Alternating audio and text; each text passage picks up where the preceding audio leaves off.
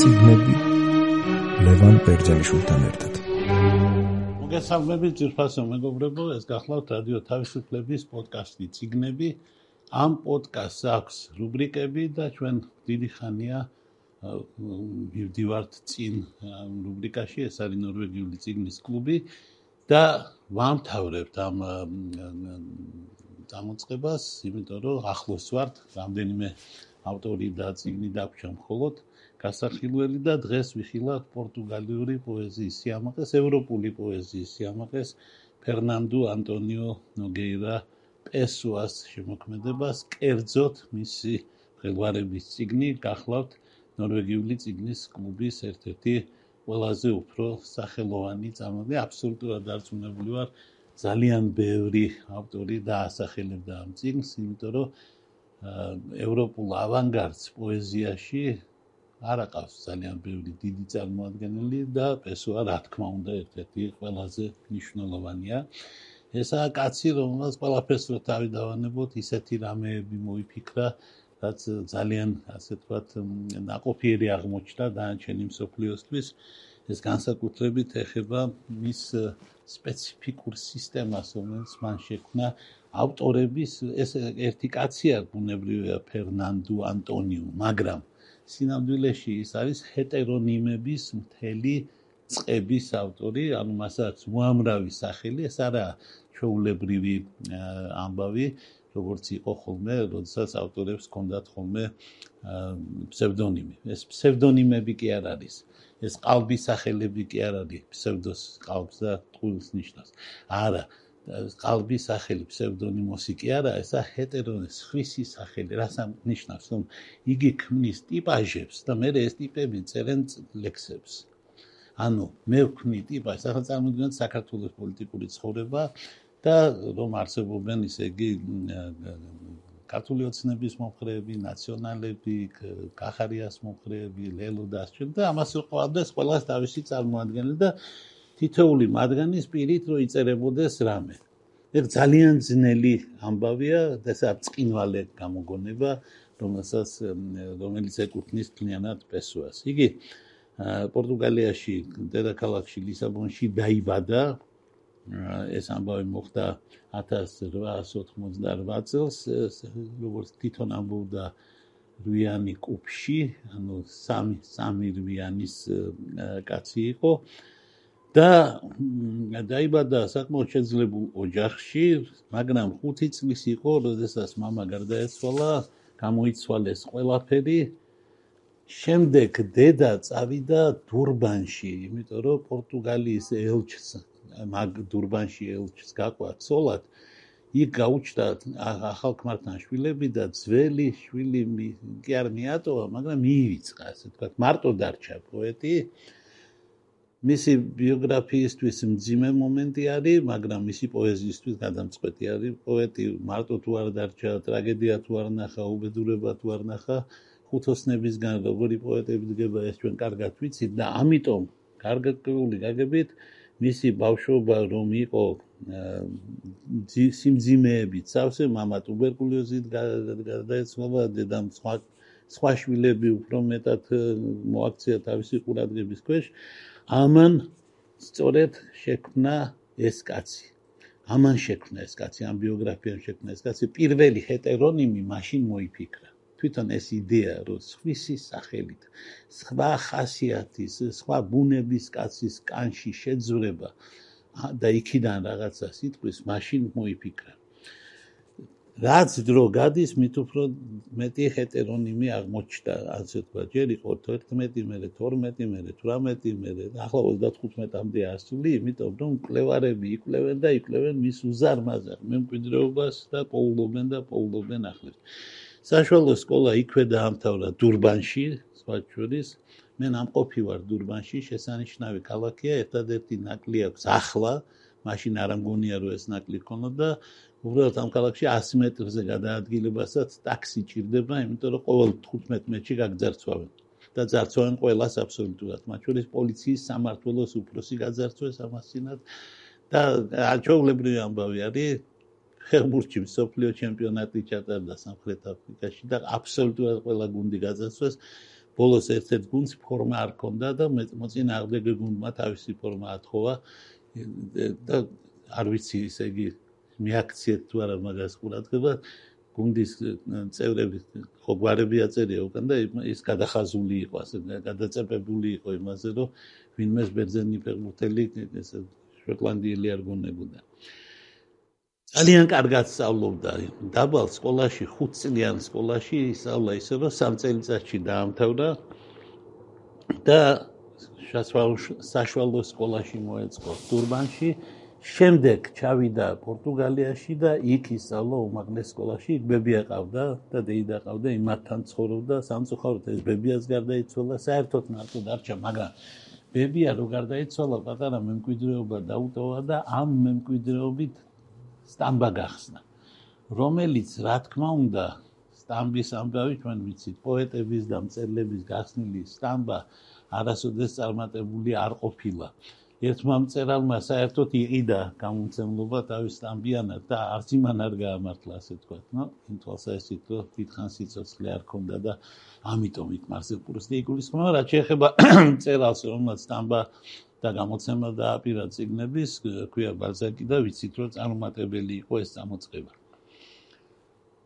პორტუგალიაში იგი 1905 წელს დაბრუნდა, ხოლო 1912 წლიდან წერს ესეებს და გამოდის როგორც ლიტერატურული კრიტიკოსი ჟურნალში აკვია. და მაგ დაიბეჭდა მისი ფუნდამენტური მნიშვნელობის პირველი დიდი სტატია, რომელსაც ესე, რომელსაც ქვია თანამედროვე პორტუგალიური პოეზია, ან ახალი პორტუგალიური პოეზია, რომელსაც მოყვა სხვა სტატიები, შემდეგ გამოცემდა ჟურნალს ორფევსი, რომელიც რომლისთვისაც გამოცემა დაინიშნა მისი მეგობარი ანტონიო ფერუ. ორი წლის განმავლობაში 14-16 წლები გამოდიოდა როგორც პოსტსიმბოლური ხელოვნების თეორეტიკოსი და დაიწყო სამი ახალი მიმართულების წამოწყები გახდა პაულიზმი, სენსაციონიზმი და ინტერექციონიზმი.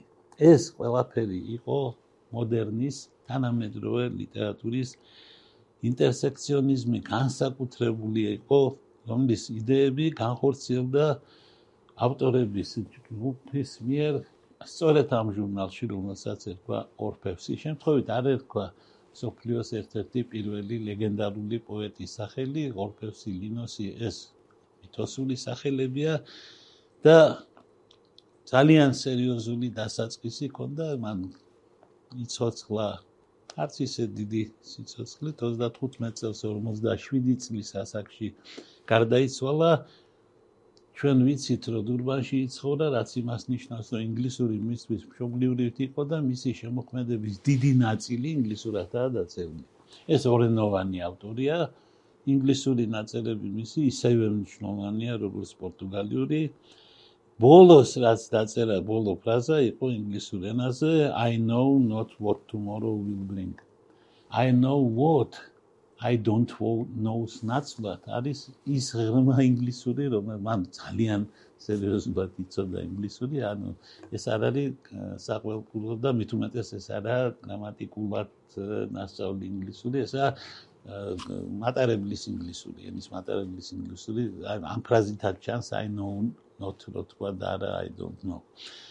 What tomorrow will bring? არ ვიცი ხვალინდელი დღე რას მოიტანს არ ვიცი რას მოიტანს ყალინდელი დღე.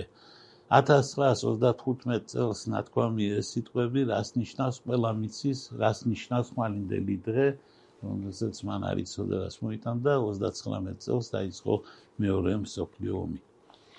როდესაც 1985 წელს მისი გარდაცვალებიდან 50 წლის თავი იყო მისი ნეშტი პესოას ნეშტი კაგნეშტი გადა გადაიტანეს ძალიან ცნობილ იერმიტების მონასტერში გადაიტანეს ჟერონიმუსში ვინც ნამყოფია ლისაბონში იცის რომ ეს ერთ-ერთი ცენტრალური ადგილია სადაც უნდა მიხვიდე სადაც ბევრი ვინმეს პატივისცემა საჭირო მაგრამ უპირველეს ყოვლისა რა თქმა უნდა პესოა იქ არის სტროფები მისი სამი ლექსიდან, სამი მთავარი ჰეტერონიმის ლექსიდან.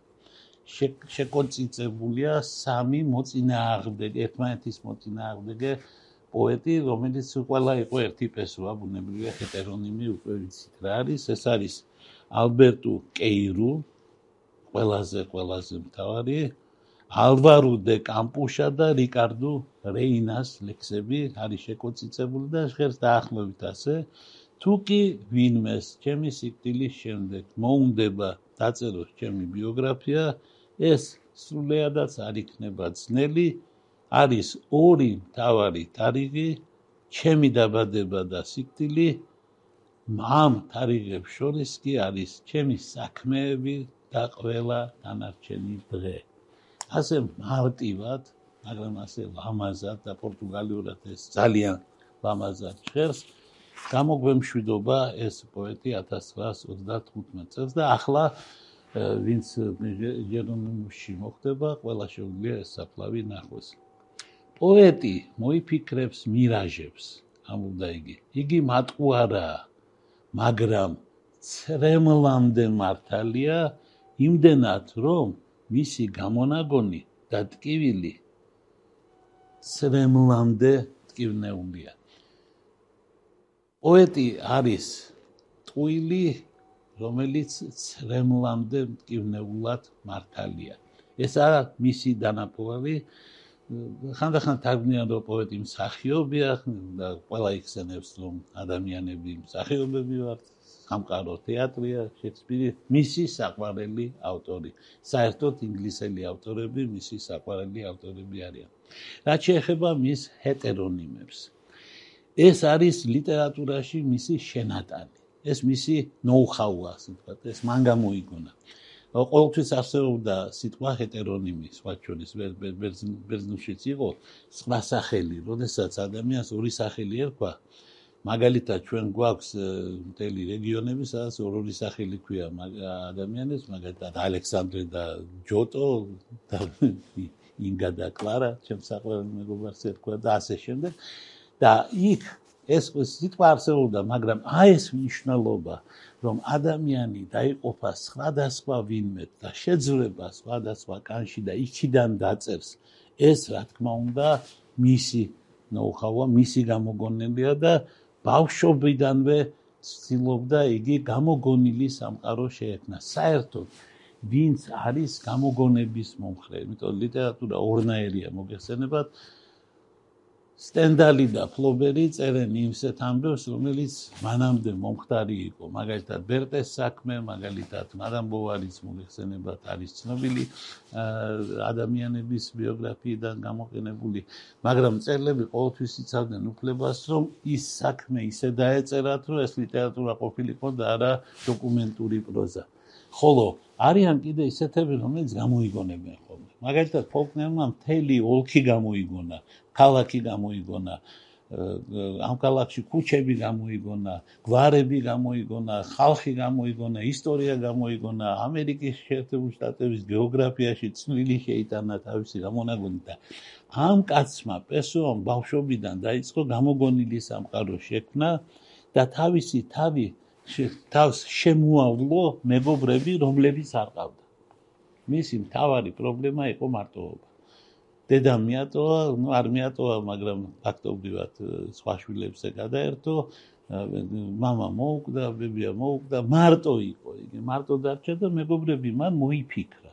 მან მოიფიქრა და შექმნა აი ეს მთელი სამყარო შექმნა თავის თავში შექმნა. ეს ყველა მიცის რომ ძალიან საჩიში თამაშია. იმიტომ რომ ადამიანი რომელიც სერიოზულად დაიჯერებს რომ 3 და 5 და 17 კაცისგან შედგება შეიძლება მართლა შედგეს ამ 15 არსებისგან და ვიცით რომ ეს ფსიქიური აშლილობის სახეობა მან ამ ზღვარზე ითამაშა. და სწორედ ამ ზღვარზე თამაშით არის დაწერილი მისი თავარი ციგნი, მაგრამ სანამ მას შევეხებით, მანამდე მინდა გითხრათ, როგორი იყო მისი პოლიტიკური განწყობები ამ უმძიმეს ქვეყანაში, სადაც დაიბადა ერთი საშინელი კაცი, რომელიც ასე ანაგრამაში საზარელი კაცი, გვარად სალაზარი. 1928 წელს პოეტი ფერნანდო პესია წერს ბროშურას. დაცვა და გამართლება სამხედრო დიქტატურისა პორტუგალიაში, რომელიც მან დაწერა პოლიტიკური ტრაქტატის სახით. მისი თეზისები არის გადმოცემული ვიქტორ მენდესის მიერ ასე პირველი სამხედრო დიქტატურის გარეშე ქვეყნის აღდგენა და გადარჩენა შეუძლებელია. დღევანდელი პორტუგალიის სული ეს არის ღრმა პოლიტიკური განხეთქილების შედეგი ქვეყანაში რესპუბლიკელებსა და მონარქისტებს შორის. პოლარიზაცია პოლიტიკური ძალების ანგრევს ნაციონალურ იდეალს და აძლევს ნაციას გაგებას, რომ ის თუ რა არის ის სინამდვილეში მონარქისტების და რესპუბლიკელების ბრძოლა გახდა რაღაცა სამხედრო დაპირისპირების და სამოქალაქო ომის მსგავსი რომლის გაჩერება შეიძლება მხოლოდ ზემოდან სამხედრო დიქტატურის შემოღებით ასე რომ ისე მარტივად არ არის საქმე როგორც ეჩვენებათ რომ მოვიდა დიქტატორი და აქცია ქვეყანა რაღაც ეტაპზე პოეტს მოეჩვენა, რომ ეს იყო აუცილებლობა. იმიტომ რომ უნდა მომხდარიყო ეგრეთ წოდებული დენაციონალიზაციის პროცესის შეჩერება.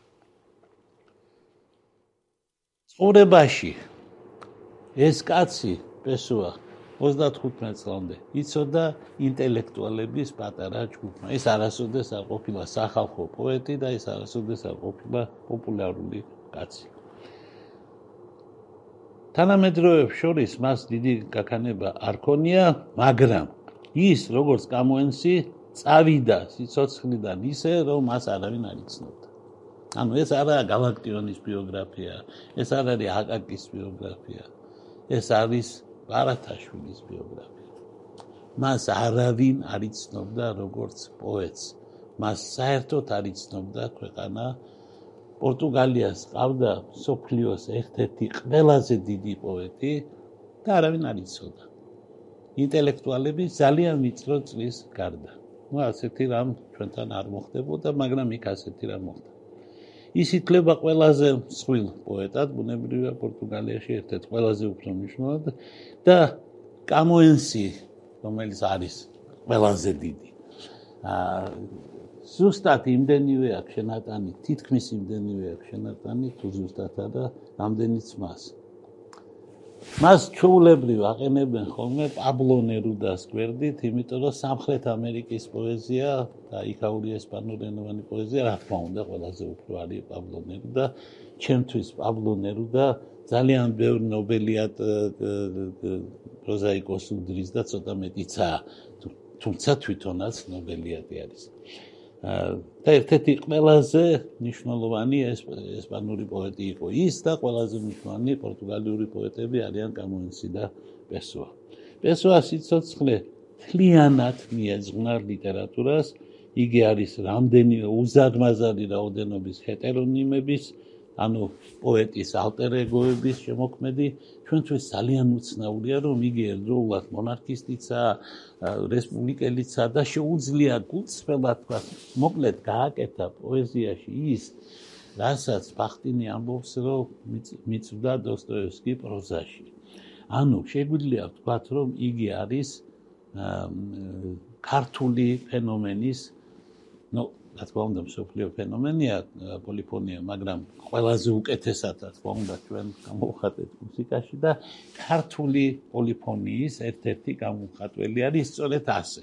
დოსტოევსკი მის გამოხატა იმით, რომ თითეული პერსონაჟი არის ცალკე ციგნი მის რომანებში, პოლიფონიურ რომანებში, ხოლო ჰეტერონიმებით პოლიფონია გამოხატა პესუამ პოეზიაში.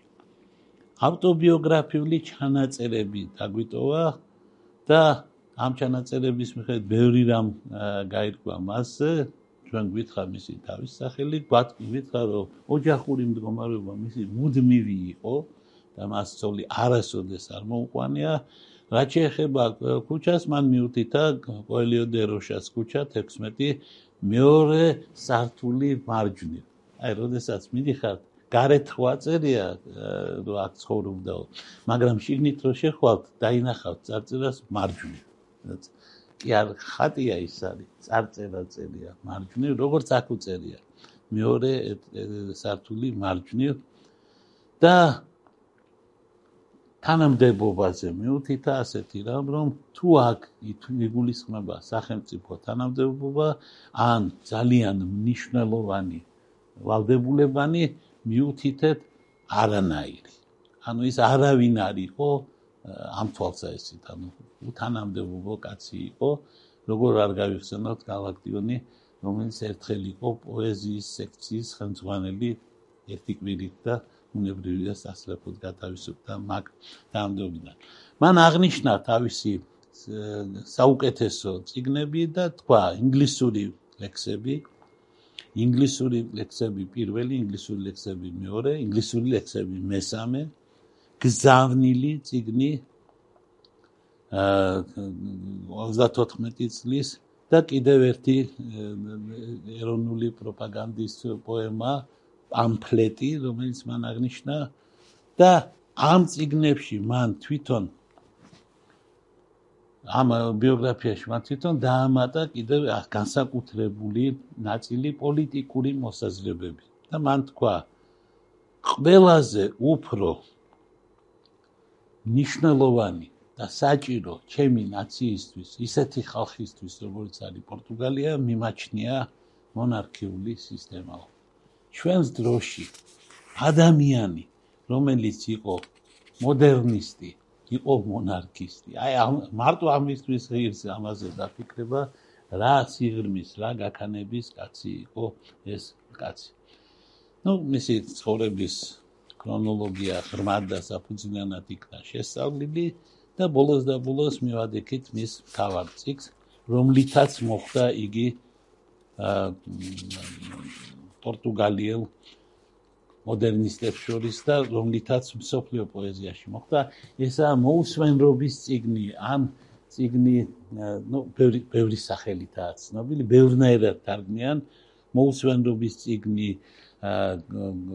წუხარების ციგნი და ასე შემდეგ. მღელვარების ციგნი მე მგონი ყველაზე უკეთესი სათაური ეს არის. თუმცა არის ჭმუნვის წიგნის სახელითაც ცნობილი "libro do Dostoevsky".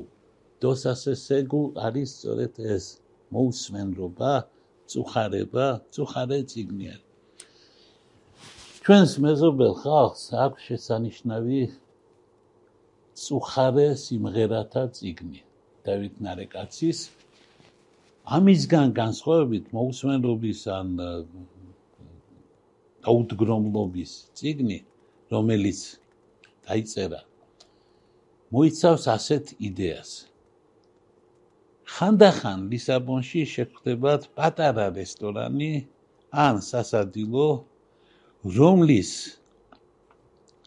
გვერდით იქვე არის რაღაცები იყიდება. და იგი წააგავს ჩაულებრივ დუქანს, რომელსაც აქვს მანსარდა. და ამ მანსარდაში ძალიან ხშირად რაღაცები ინახება, რომელიც მოგვაგონებს სოფლის ადგილს. აი ასეთი განლაგების ციგნი არის დაწერილი. ანუ ლექსები ეხება ამ ტერიტორიის აღწერას და ეს არის მისი განსაკუთრებული ამბავი. ეს ციგნი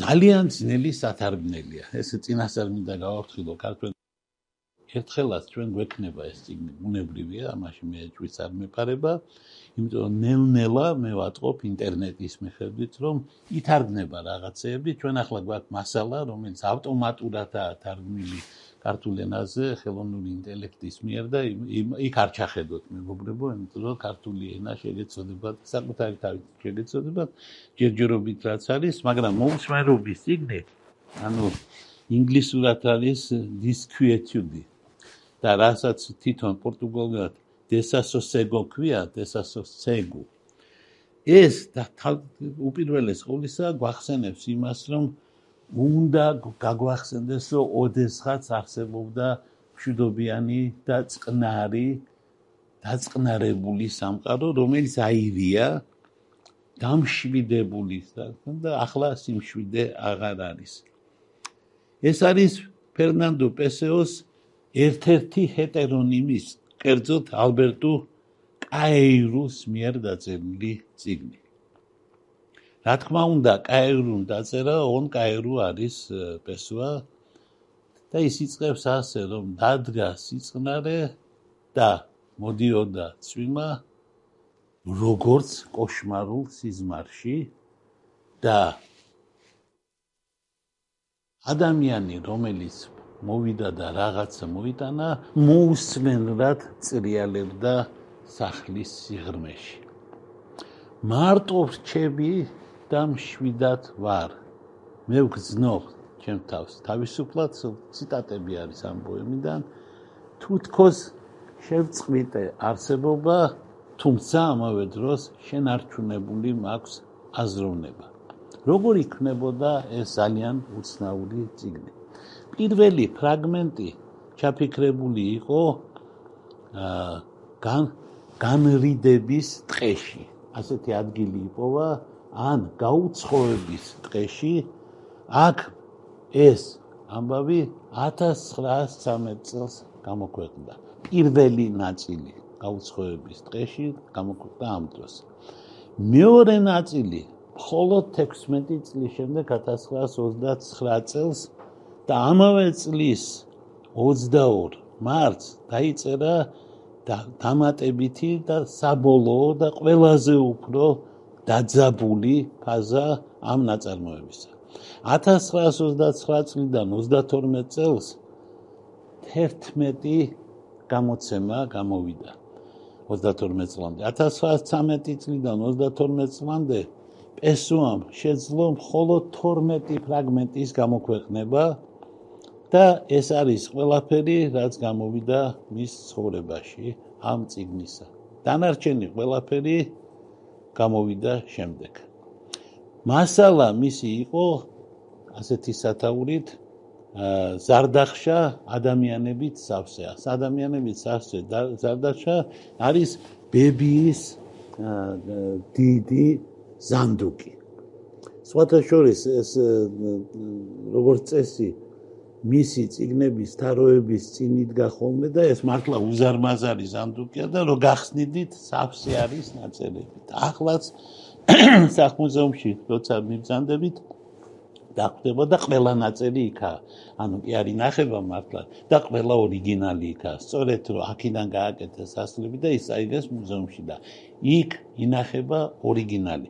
ეს არის ხოლმე დახურული, რო შედიხართ ამ ოთახში, ჩვეულებრივ ჯგუფი შეყავთ ხოლმე, ამას გაგიხსნიან, ყოველ შემთხვევაში ჩვენ შემთხვევაში ასე იყო, ამას გაგიხსნიან და თქვენს წინ გადაიშლება ხელნაწერების უთვალავი რაოდენობა. უზარმაზარი რაოდენობის არის ჩატენილი ამაში.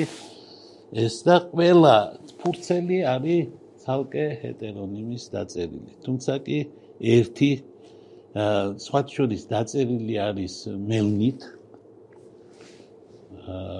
და ეს არის დაწერილი კალმით.